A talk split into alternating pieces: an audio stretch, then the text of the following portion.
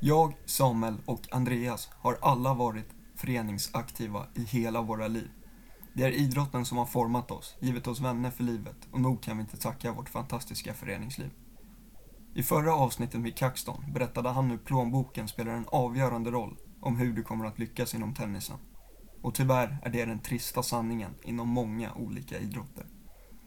Vi tillsammans med Fritidshjälpen vill att alla ska få ta del av föreningslivet, oavsett vad dina föräldrar tjänar. Tillsammans kan du och jag göra skillnad. Stötta oss och Fritidshjälpen genom att swisha valfritt bidrag till 070 872 5606. Nu kör vi igång avsnittet.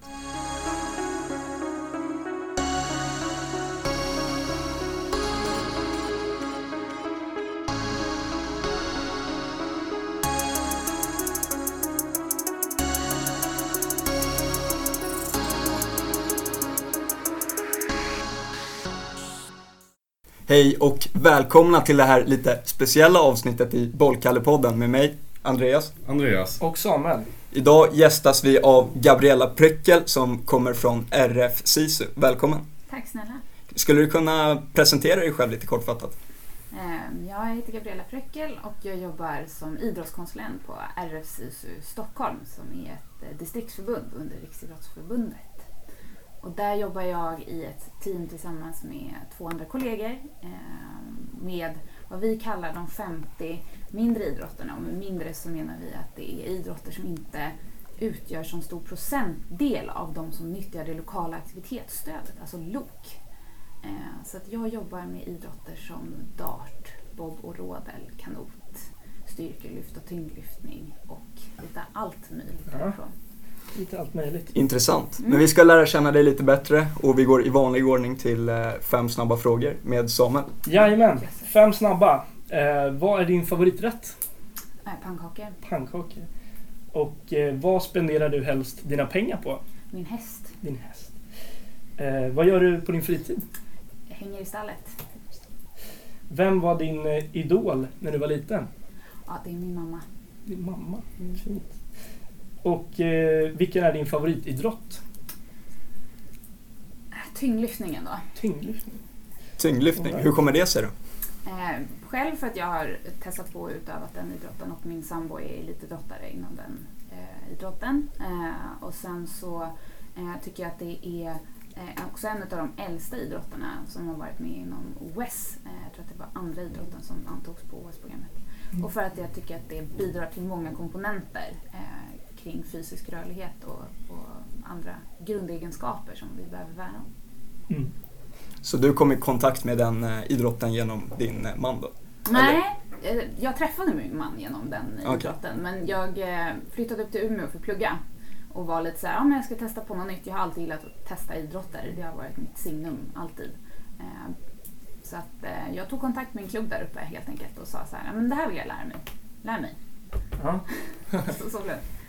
Men vilken var den första sporten du testade och hur kom du i kontakt med den? Gud, bra fråga. Eh, jag tror att jag började gick på så här eh, dansrörelse, alltså sådär med, när man var liten, litet barn. Och sen så höll jag på med gymnastik, simhopp, ridning, fotboll, innebandy. Eh, jag har spelat också vad heter det, handboll har jag också testat på. Och taekwondo. Mina föräldrar gillade, tyckte det var viktigt liksom, att pröva olika idrotter och vi hade en överenskommelse att man går alltid en termin. Och gillar man det inte sen, ja men då behöver man inte fortsätta. Men att liksom alltid testa på. Men så jag testade liksom Du höll på med lite allt möjligt alltså? Mm. Ja. Verkligen. Men vilken sport fastnade du mest för då?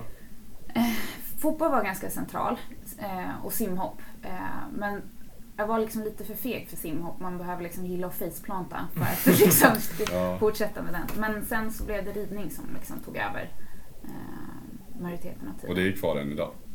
Ja, alltså jag hade ett uppehåll på åtta år faktiskt. Eh, sen när jag blev liksom vuxen. För att vill man liksom fortsätta som vuxen så krävdes det nästan liksom att köpa egen häst och det. Och det hade inte jag medel till att göra.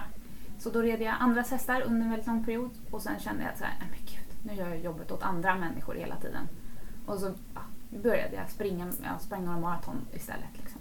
Mm. Eh, och sen så nu, faktiskt för ett år sedan, så köpte jag min första egna häst. Ja, Mm. Spännande.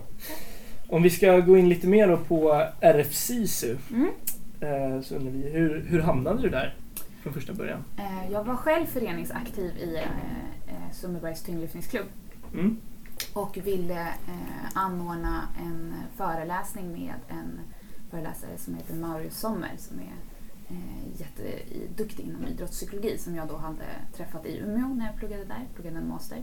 Eh, och eh, kände att den kunskapen är nyttig för alla oavsett nivå att, att ta del av hur man kan tänka kring målsättning och prestation och mående i det där.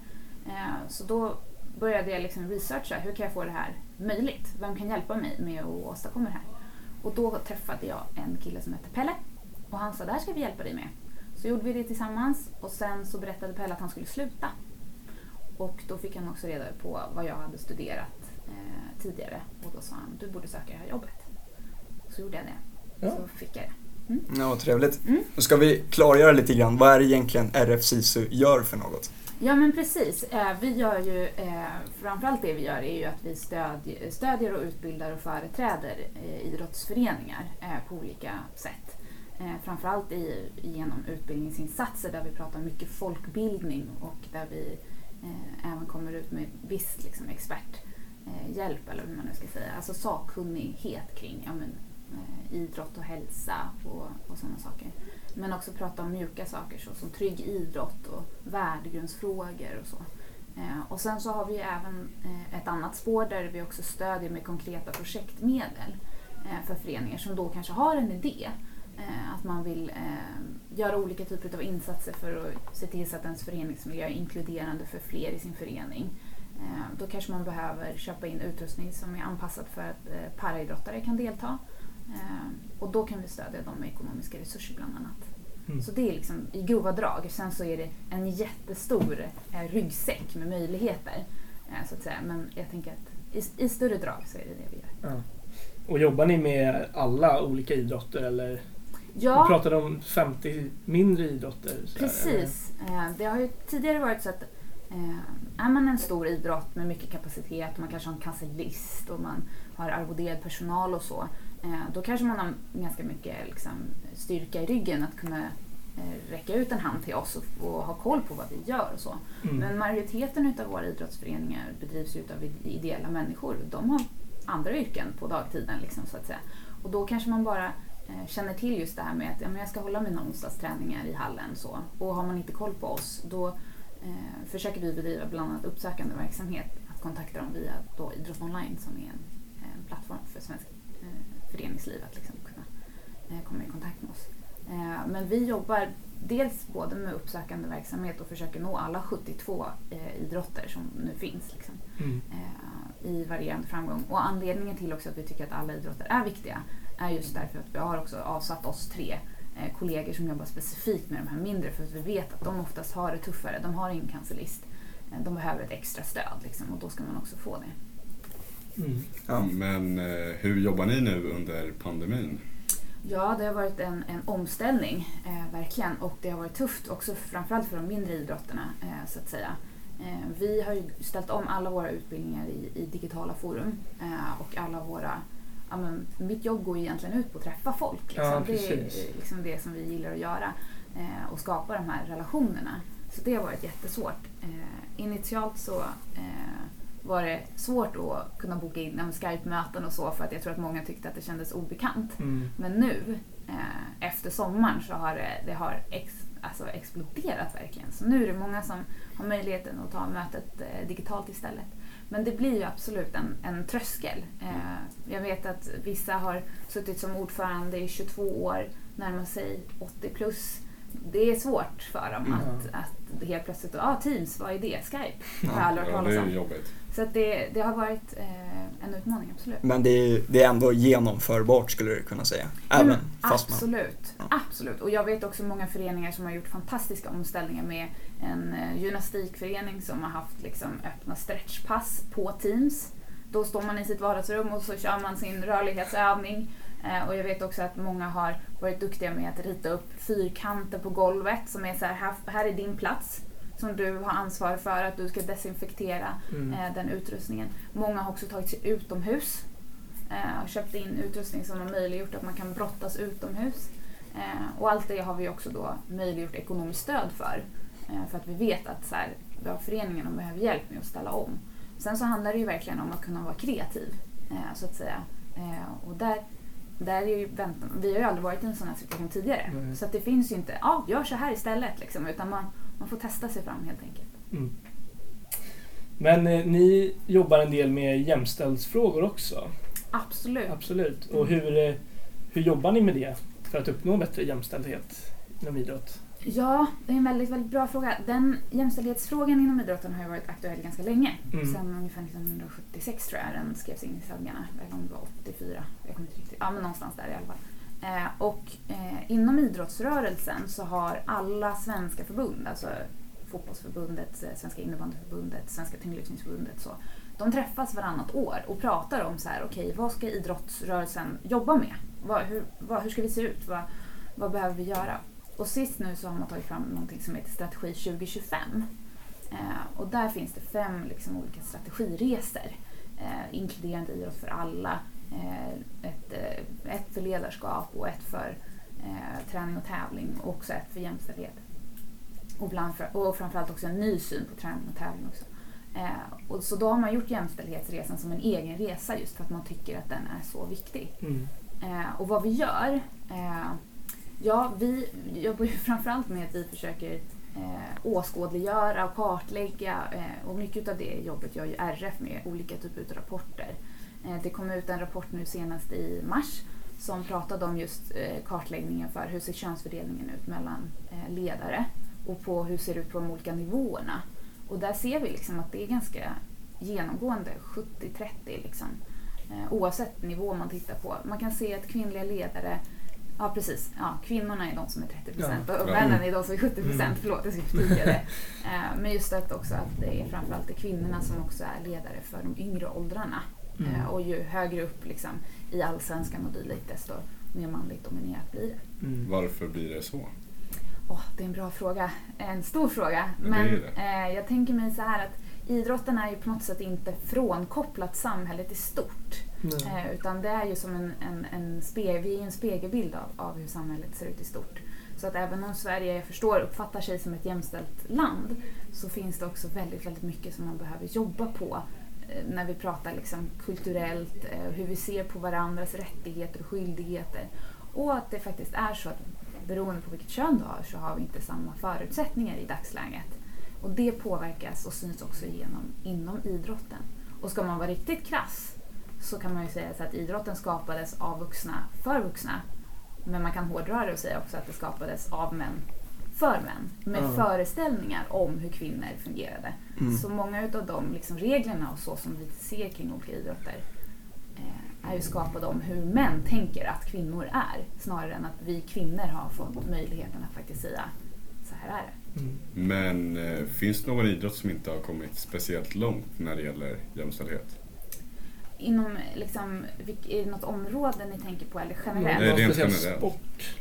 Alltså som... Alltså jag kan ju tänka mig, eh, det här är ju vilda spekulationer, Mm. så, men det, det som jag själv ser är att idrotter med tunga traditioner och som har varit med väldigt länge Ja. eh, har oftast större utmaningar. Vi brukar säga att ja, kulturen sitter i väggarna. Eh, men det jag kan dra en parallell till är ju eh, Svenska cheerleadingförbundet som är en av de nyare idrotterna som har Ja. kommit in i riksförbundsfamiljen. Liksom. Och de är ju eh, ganska liksom, jämnt könsfördelade eh, när man tittar till liksom, ja, ledare och aktiva. Eh, och framförallt i deras sätt att tänka kring deras egen idrott och jämställdhet. Eh, och den idrotten är ju då som sagt också väldigt ung. Eh, så de tror jag inte liksom har med sig det här traditionella bagaget. Liksom. Alla andra idrotter, eller inte alla andra, men många av de äldre idrotterna, de började ju med att man bara idrottade för män och reglerna var för män. Och sen så helt plötsligt så ville kvinnor vara med. Då var man som så här, ja men gör som männen gör. Och så har det liksom inte skett en, en reflektion kring att så här, ja, man kanske inte alltid kan göra exakt samma. Utan vi behöver ändra på premisserna och förutsättningarna. Mm. Ja, jag väljer att peka ut hockey lite där, för det är det, är det enda som slår mig när, Ja, det när jag hör det där det jag faktiskt. tänkte också. Men ja, Ja, där kan vi prata om framförallt lön. ja. eh, som Mm. en väldigt tydlig liksom, indikator på att det inte är jämställt. Men liksom, ojämställdheten kan yttra sig på så många sätt. Eh, vi fastnar gärna vid de här eh, kvantitativa eh, räknebara exemplen kring Mm. lön till exempel eller procentfördelning på ledare och så. Men jämställdhet är så mycket också i hur vi bemöter varandra och vad har vi för föreställningar om varandra att vi kan göra och inte kan göra. Och där tror jag också att det är jätteviktigt att man pratar om genus framförallt. Och pratar om att hur skapar vi de här föreställningarna? Eh, och att jag tror att vi behöver också reflektera kring att vi är mer lika än olika varandra mellan könen faktiskt. Mm. Men eh, om vi säger så här, hur, hur ligger Sverige jämfört med andra länder vad det gäller eh, jämställdhetsfrågor i, i eh, världen? Om man, säger så. om man jämför Sverige jämfört med Här- andra länder. Alltså det är så otroligt bra frågor ni ställer. De också, eh, jag ska göra mitt bästa. Jag Ja. tänker så här. Eh, en, en, ett tankeexperiment är ju att Sverige som, då, som stort samhälle är relativt långt framskriden om man tittar på. Det finns en, en, eh, en koefficient som man kan titta på som man mäter jämställdhetsindex på hos olika länder som heter Gini-koefficienten. Och där är Sverige, det, då pratar man om alltså skillnader mellan kön. Och den skillnaden är ganska liten i Sverige. Så då kan man säga att den är, vi är som ganska jämställda. Så, eh, så då återigen att det spiller över på, på idrotten eh, så att säga. Men eh, vidare så tror jag fortfarande att det finns eh, mycket kvar att göra. Så att säga. Eh, jag tror att det finns liksom mycket att göra kvar på gräsrotsnivå. Men där finns det ju den här problematiken kanske att andra länders idrottande är ju i väldigt, väldigt stor utsträckning statsfinansierade. Mm. Och också väldigt, väldigt stor utsträckning liksom en, ett, en statsapparat. Det vill säga, men, in, i USA så eh, har, finns det ju inte föreningar, klubbar, Nej, precis, utan de är precis. kopplade till skolor till exempel. Eh, I Ryssland och många andra länder så är det ju verkligen en, en hård statsapparat som styr med en järnhand eh, så att säga kring vad, vad idrottarna ska och inte ska göra. Där har de ju idrottarna det som, som jobb. De, de är ju anställda av staten att prestera OS-medaljer. Här i Sverige så har vi ju ett annat ideologiskt tänk kring liksom att det är en folkrörelse, som gräsrotsrörelsen som kommer under och att du som medlem i en förening kan påverka. Vi tror på demokrati och allas rätt att vara med. Och det gör ju att jag tror att arbetet också ser olika ut för att det är också olika förutsättningar. Så. Mm. Så det är, det är helt enkelt svårt att jämföra sig med andra länder skulle du säga. Ja, jag tror att man på väldigt instrumentella nivåer kan jämföra. Eh, så att säga, liksom titta på den här hårda faktan som vi pratade om tidigare. Absolut. Men jag tror att liksom, eh, för att säga vad krasst jämställdhet, liksom, att man faktiskt försäkrar sig om att det är jämställt i mötet mellan människor. Den tror jag det, det kan vara svårt, absolut. Mm. Mm. Om, vi, eh, om du skulle säga någonting till alla idrottsutövare som lyssnar på oss. Vad kan man göra som individ för att driva den här jämställdhetsfrågan framåt i sin förening? Eller Ta kontakt med er idrottskonsulent på Mm. RFSIS i Stockholm så hjälper vi er. Ja, jag lovar. Eh, Men annars så tror jag, liksom läs på själv. Mm. Mikrohandlingar, eh, reflektera kring så här, vilken emoji väljer du eh, när du skickar ett meddelande. Eh, och eh, försök att liksom lyssna på saker som känns obekvämt. Mm. Man behöver inte liksom säga någonting eller kommentera någonting då i den diskussionen eller det Instagram-inlägget eller så. Utan bara liksom testa och pröva den tanken att så här, den kanske faktiskt är sann. Liksom. Det kanske är obekvämt. Men om man liksom, ja, reflekterar lite så tror jag att det, man kan komma ganska långt faktiskt. Mm. Hur ska man göra då om man känner sig motarbetad i, i sin egna förening till exempel? Man lyfter den här frågan gång på gång men det är några som liksom trycker ner det hela tiden och Mm. bara, men nej, kolla på det här istället liksom. Ja, det är en ganska, tror jag, ganska vanlig känsla hos människor som framförallt brinner mycket för den här frågan. Eh, eh, och där tror jag dels att det bottnar i så här, hur har vi samtal tillsammans? Eh, hur pratar vi med varandra? Liksom? Det är ju väldigt, alltså som ett exempel om man USA-valet nu, de, de Trump-anhängarna som ska prata med Biden-anhängarna, de har inte samma verklighetsuppfattning. Och det är lite samma sak här. Om du tycker att vi är jämställda och jag inte tycker det, då kommer vi aldrig kunna prata för att vi utgår, alltså våra utgångspunkter är så långt ifrån varandra. Mm. Så att börja med att liksom så här, okej vad tycker vi gemensamt? Och sen därifrån, så här, ja men hur kan vi sortera i det här? Men framförallt så skulle jag också säga att ta kontakt med din idrottskonsulent. Mm. Eller så kan man också uppmana sina medlemmar att gå på ett årsmöte och rösta in nya personer om det nu till exempel sker i en styrelse eller dylikt. Mm. Så det är också en viktig liksom, eh, medskick till alla som är medlemmar i en förening. Gå på ert årsmöte. Rösta dit de personerna i styrelsen som ni tycker gör bra grejer. För det är de som representerar er och det är de som har fått det förtroendet.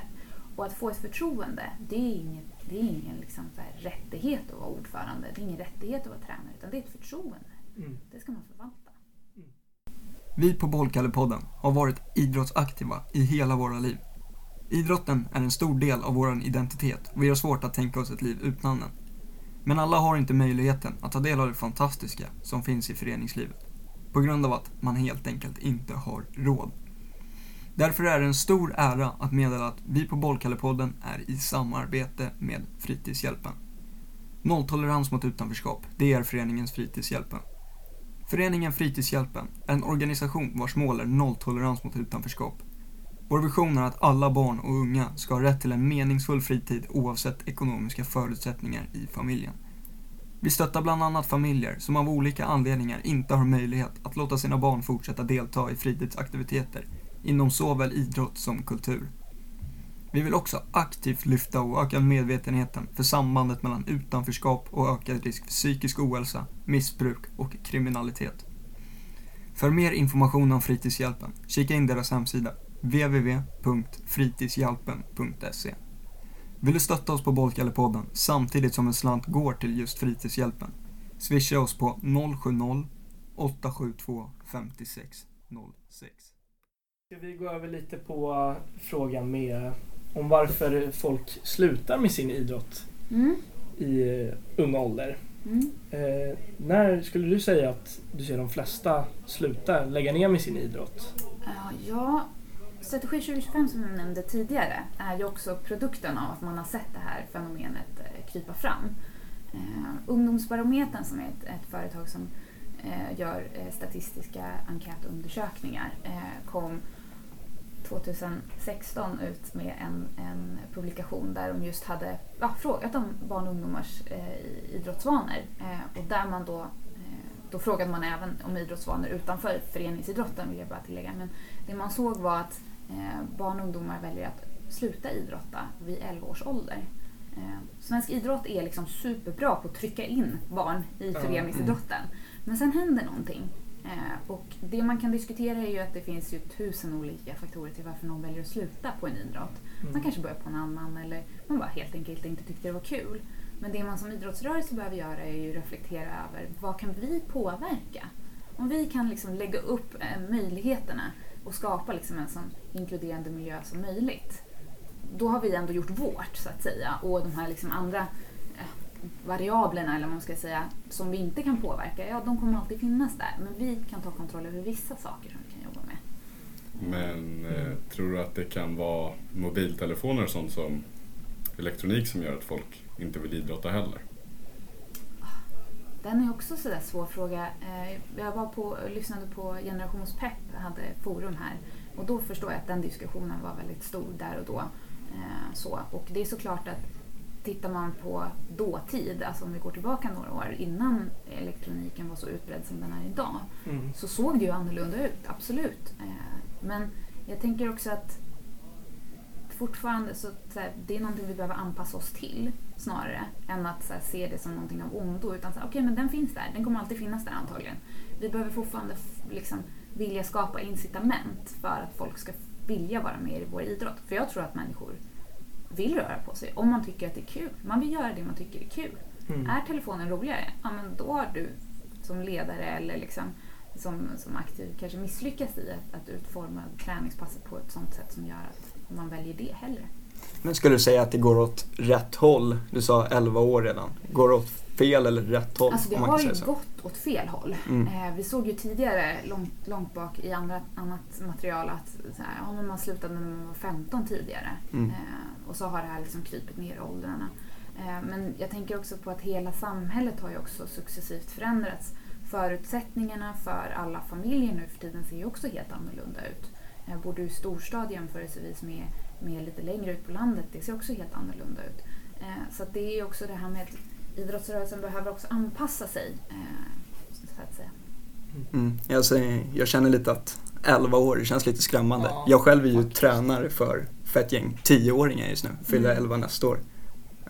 Och det känns ju helt orimligt att, att de skulle sluta. Visst kan det bli så, jag kanske är lite blind men Ja, men och Eh. där tänker jag att det är jätteviktigt, din roll som tränare där. Mm. Du är ju i en förtroendeställning eh, och du har liksom ett uppdrag där de här tioåringarna kommer till dig och förhoppningsvis eh, och kanske också tyvärr enda gången de faktiskt rör på sig ordentligt mm, eh, så då måste ju du också liksom göra det superkul. Du måste liksom göra det intressant för dem eh, och vi måste liksom prioritera barnets bästa i det här.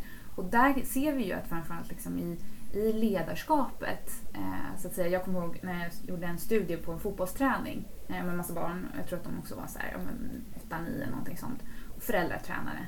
Eh, de här barnen, eh, på en timmes liksom, idrottande så stod de stilla 35 minuter och väntade på bollen.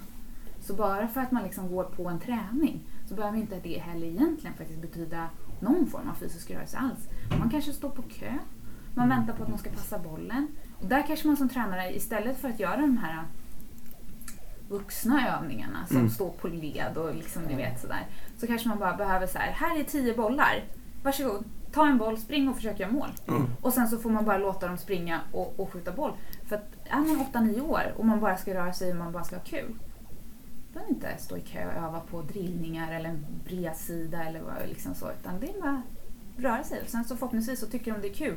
Vilket gör att de sen kommer fortsätta. Så att när man är 15-16 och kanske har lite mer koncentrationsförmåga Mm. och man har lite mer eh, liksom medvetenhet kring "Ja, men det här vill jag satsa lite på. Jag vill utveckla mig själv. Då kanske det är liksom mer rimligt att man övar på en bredsida eller två. Mm. Men vad kan föräldrar göra i det här? För att liksom förlänga idrottandet hos deras barn? Eh, Jag tror framförallt att man som förälder, eh, är man engagerad föreningsförälder, då kan man också ta kontakt med, med föreningens idrottskonsulent och jobba med just den frågan för att titta på hur engagemanget ser ut. Eh, Men jag tror framförallt att man behöver vara en förebild Mm. eh, för, för sitt barn och liksom eh, vara noga med att checka in hos sig själv. Hur är jag i relation till mitt, mitt barn? Det kan ju vara jättevanligt att en unge sätter sig i bilen efter en match och så får man frågan "Ha, hur många mål gjorde du då? Och det kanske inte heller är liksom den bästa frågan att ställa en unge som har kommit från en match som kanske inte gick jättebra eller kändes jättebra. Eh, Och framförallt så skapar det fokus på prestation i form av liksom en kvantitetsmål istället för att prata om liksom prestation kring ett mående eller en, en, en utveckling. Liksom. Eh, Så att där tror jag också att man som förälder kan checka in på sig själv. Att så här, idrottar min, mitt barn för sin egen skull och kan jag då nöja mig med att jag låter mitt barn göra och utforska på egen hand utan att jag behöver lägga mig i? Eller är det faktiskt så att jag lägger mina värderingar i hur det ska gå till hos mitt barn nu? Eh, Så där tror jag är en finstämmighet liksom. eh, som sagt man behöver ha som förälder. Så man ska definitivt inte underskatta att eh, ha kul helt enkelt varje gång man kliver på en fotbollsplan eller innebandyplan eller man ska Ja, men- dansa. Ja men precis, och jag tror liksom frågan så hade du kul? Det är, den är superviktig. Ja. Den är liksom, så för det kommer vara anledningen till att man kommer göra det igen. Absolut. Tror jag. Mm. Liksom. Mm. Ja men om vi jämför mellan eh, idrotterna och eh, mellan könen ser det likadant ut vad det gäller när de slutar och varför de slutar och sånt där. Ja, alltså det man kan se är väl att eh, liksom de, kring liksom deltagaraktiviteter så är eh, tjejer tyvärr eh, inte lika närvarande i statistiken så som, som killar är. Eh, och det liksom går igenom eh, åldrarna så att säga. Eh, och sen så finns det ju så, så, såklart vissa idrotter som är väldigt, liksom, vad- om man utifrån ett jämställdhetsperspektiv skulle säga, könskodade. Eh, konståkning, ridning och så vidare. Men det man ser där till exempel inom ridning är ju att de killarna som faktiskt börjar, de också fortsätter och blir oftast väldigt också framgångsrika.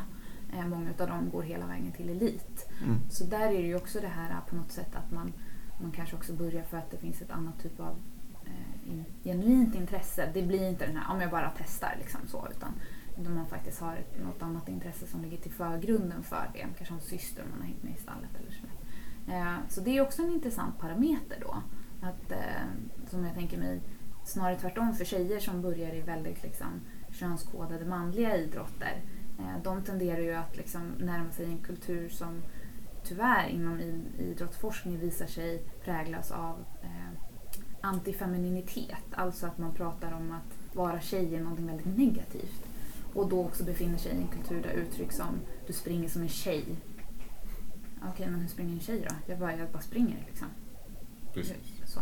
Mm. Eh, Så att sådana parametrar är ju också eh, viktiga att liksom titta på och, och liksom ha hänsyn till när man tittar på det statistiskt. Mm. Är det någonting som ni på RFSIS också jobbar med? Ja, eh, vi, vi eh, jobbar ju med våra liksom, eh, respektive idrottskonsulenter ute i, i föreningar och sen så har vi ju då olika sakkunniga på, på området Mm. eh, som, som kan prata sig varma om det här väldigt länge. så att säga. Eh, men eh, vi pratar ju framför allt om just det här med eh, som en bra ingångsvärde är ju värdegrunden i sin förening. Hur har vi alla kommit överens om att vi ska vara mot varandra? Det är inte okej att säga att du springer som en tjej för att vi vet att bakgrunden i den betydelsen är negativt mot ett utav könen i föreningen. Mm. Det är inte okej. Och då måste det ju också vara viktigt att alla, liksom från förälder till knattetränaren, till eh, elitidrottaren, till, till tränaren, till ordföranden, när den hör en sån kommentar, säger ifrån. För att kultur är lika mycket det som vi, vi tillåter och som vi inte säger ifrån till. Mm. Men är det lika, lite likadant där att de äldre idrottande, lite mer, vad ska man säga, kulturella, eh, de är lite sämre på, på det här? Att tjejer brukar sluta tidigare. Ja, alltså det, är ju jättesvårt att säga liksom hur det ser ut individuellt men jag, det som är min, återigen det här är ju en spekulation Mm. eh, sett, sett till det. Men det man ser är ju att eh, idrotter som också då, om vi ska prata genus, som är väldigt hårt könskodade som till exempel ishockey eh, eller ridning eller konståkning. Eh, de eh, tenderar ju till att också ha en större majoritet av ena könet i. Det är därför de blir också könskodade. Det som är intressant i det perspektivet det är ju att de idrotterna som tenderar till att vara kvinnligt könskodade eh, de ser oftast eh, på så sätt ut, i alla fall utifrån forskning då, eh, framförallt kvalitativ forskning när man gjort intervjustudier. Då när man har pratat med killar som har varit i väldigt kvinnligt dominerade idrotter. De tenderar till att vara, ja, ha en mer mångfacetterad manlighet om vi säger så. Både liksom ha tagit till sig maskulinitet men också det, femininitet. För båda könen gör ju maskulina saker och feminina saker så att säga. Eh, men i de eh, idrotterna som tenderar till att eh, vara lite mer manligt könskodade då är det svårt att väga in den här femininiteten som någonting positivt. Och det är det vi behöver jobba med. De här traditionsenliga idrotterna då som är då skapta av män ja, det är liksom hårdare strukturer helt enkelt. Det blir liksom svårare. Och är man också en del av det, till exempel är man då kille eller man, då är man också förfördelad. Och det är jättesvårt att liksom se då, var, vadå, gör jag någonting dåligt nu eller när jag säger att du springer som en tjej? Vadå? Jag har alltid sagt så. Och det är också förståeligt. Det går inte att bli arg på det, för det är ett system i sig. Så det har inte att göra med att individer är elaka eller onda på något sätt, utan det är liksom en, en institution idrottsrörelsen i sig. Och är de då äldre idrotter så, så sitter det hårdare i väggarna. Men nu till den eh, stora frågan då. Hur kan man motverka att folk slutar så tidigt? Ja, återigen, jag tror att man ska fokusera på vad man kan påverka. Framförallt om man är en idrottsförening eh, så kan man ta kontakt med sin idrottskonsulent hos oss så, så hjälper vi dem. Eh, fram, men, och det är, så, det är en så löjlig grej att säga men alltså vi, det finns ungefär fyra, nästan 4 000 idrottsföreningar i distriktet och vi uppmanar varenda en att liksom ta kontakt med oss, skicka ett mejl, säg hej, vi behöver hjälp på årsmötet. Jättegärna, verkligen. Och framförallt är man aktiv och man har en idé, ta kontakt med oss. Det är liksom, eh, vi träffar er jättegärna. Nu kanske via Skype då. då, Men, Mm. ja. Mm. men det jag tänker med är att man behöver se över vad, vad kan jag göra liksom i, i mitt mikroperspektiv och den värld jag lever i. Eh, vad kan liksom föreningsidrotten råda över? Och försöka liksom på föreningsnivå då skapa en inkluderande miljö där det är liksom så att man känner sig trygg. Känner man sig trygg då vågar man pröva nya saker. Känner man sig trygg har vi ett bra ledarskap som, som ser alla. Då kommer man också fokusera på sin egen utveckling snarare än att jämföra sig med alla eh, andra. Pratar vi också med varandra som att man liksom försöker släppa de här föreställningarna om ja men killar är sådär eller tjejer är sådär och du kan inte göra så för du är lång och du kan inte göra så för du är kort. Du kan inte hålla på med tyngdlyftning för du har långa ben. Alltså så. Eh, om vi släpper det där, då kommer vi liksom ganska snabbt tror jag, med ganska små handlingar, göra en, en idrottsrörelse som är mer inkluderande för fler. Och eh, med det sagt så får vi ta och runda av den här podden. Vi tackar dig Gabriella eh, för en givande, givande podden får man väl ändå säga. Mm. Och om ni inte redan gör det, följ oss på Instagram, Bollkallepodden heter vi där. Och swisha gärna eh, om ni vill stödja våran podd. Samtidigt som en liten del går till Fritidshjälpen så de får hålla på med det de gör med. På 070-872 5606. Tack så mycket.